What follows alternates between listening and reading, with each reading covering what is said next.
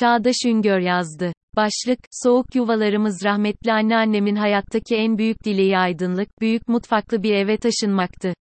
Şimdi metro durağı, o zamanlar tren istasyonu olan Karşıyaka Alaybey'deki evi her tren geçtiğinde zangır zangır titrer, gürültüden televizyon bir iki dakika duyulmaz olurdu.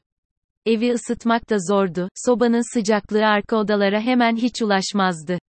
Ama anneannem bunlardan çok mutfağının küçük ve karanlık olmasından yakınırdı. Depremden sonra, apartman boşluğuna bakan kendi küçük mutfağımın karanlığında, Türkiye'de milyonlarca kadının benzer bir temennide bulunmuş olabileceğini düşünüyorum. Betonarme evlerimizle ilgili tek derdimiz bu da değil. Çoğumuz büyük kentlerde geçici, kiracı olduğumuz dairelerin eksiğini gediğini kapatıp onları sıcak birer yuvaya dönüştürmek için sürekli çabalıyoruz.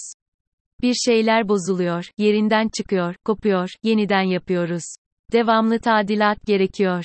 Her şey tamam olsa, karşı apartman dairesi pencerenize çok yakın. Değiştiremeyeceğiniz şeyler var, anneanneminki gibi, hiç gerçekleşmeyen dilekler var. 6 Şubat depremi hepimize kendi sıcak yuvalarımız ile dışarıdaki soğuk arasında sadece ince bir duvar olduğunu gösterdi, o da muhtemelen çürük yapılmış.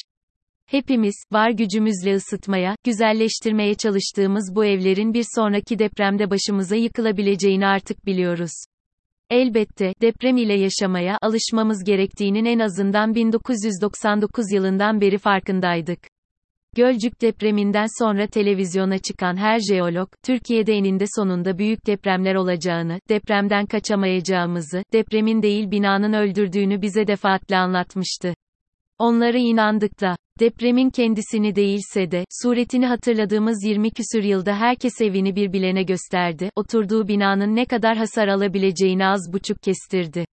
Hepimiz İstanbul zemin etüdü haritasını ezberledik, kentsel dönüşümü, çürük binaların yerine sağlam yapılar konduracağını düşünerek, bir süre bağrımıza bile bastık.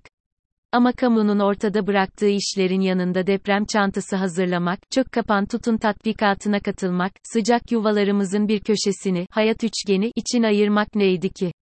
Bize esas olarak depreme dayanıklı binalar lazımdı. Ve yıllar geçtikçe anlaşıldı ki, onların da sayısı az, fiyatı çok kalacak. Çekmeköy'ün ortasına dikilmiş, iskan bekleyen koskoca siteler var, ben de bana tüketici kredisiyle, tapusuz, imar affı bekleyen bir apartman dairesi almamı öneren emlakçılardan öğrendim.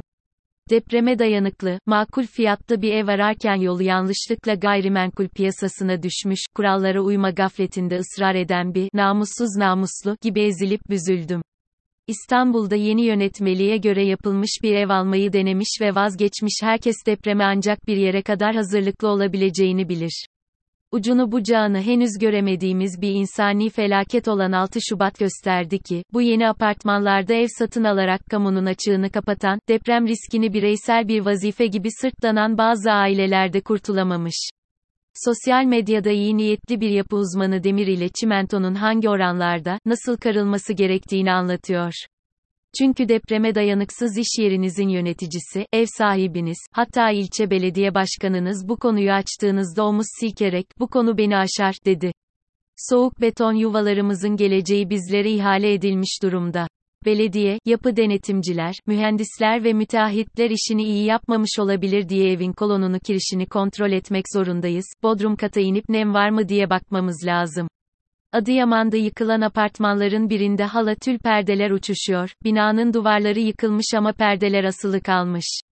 Bunlar Türkiye'nin karanlık, küçük mutfaklı, betonarme evlerini güzelleştirmek için yıkayıp astığımız beyaz perdeler. Arkasında da 20 küsür yıldır, sıcak evlerinden dışarı bakıp soğuğun kendilerinden çok uzak olduğunu umarak yaşayan bizler varız.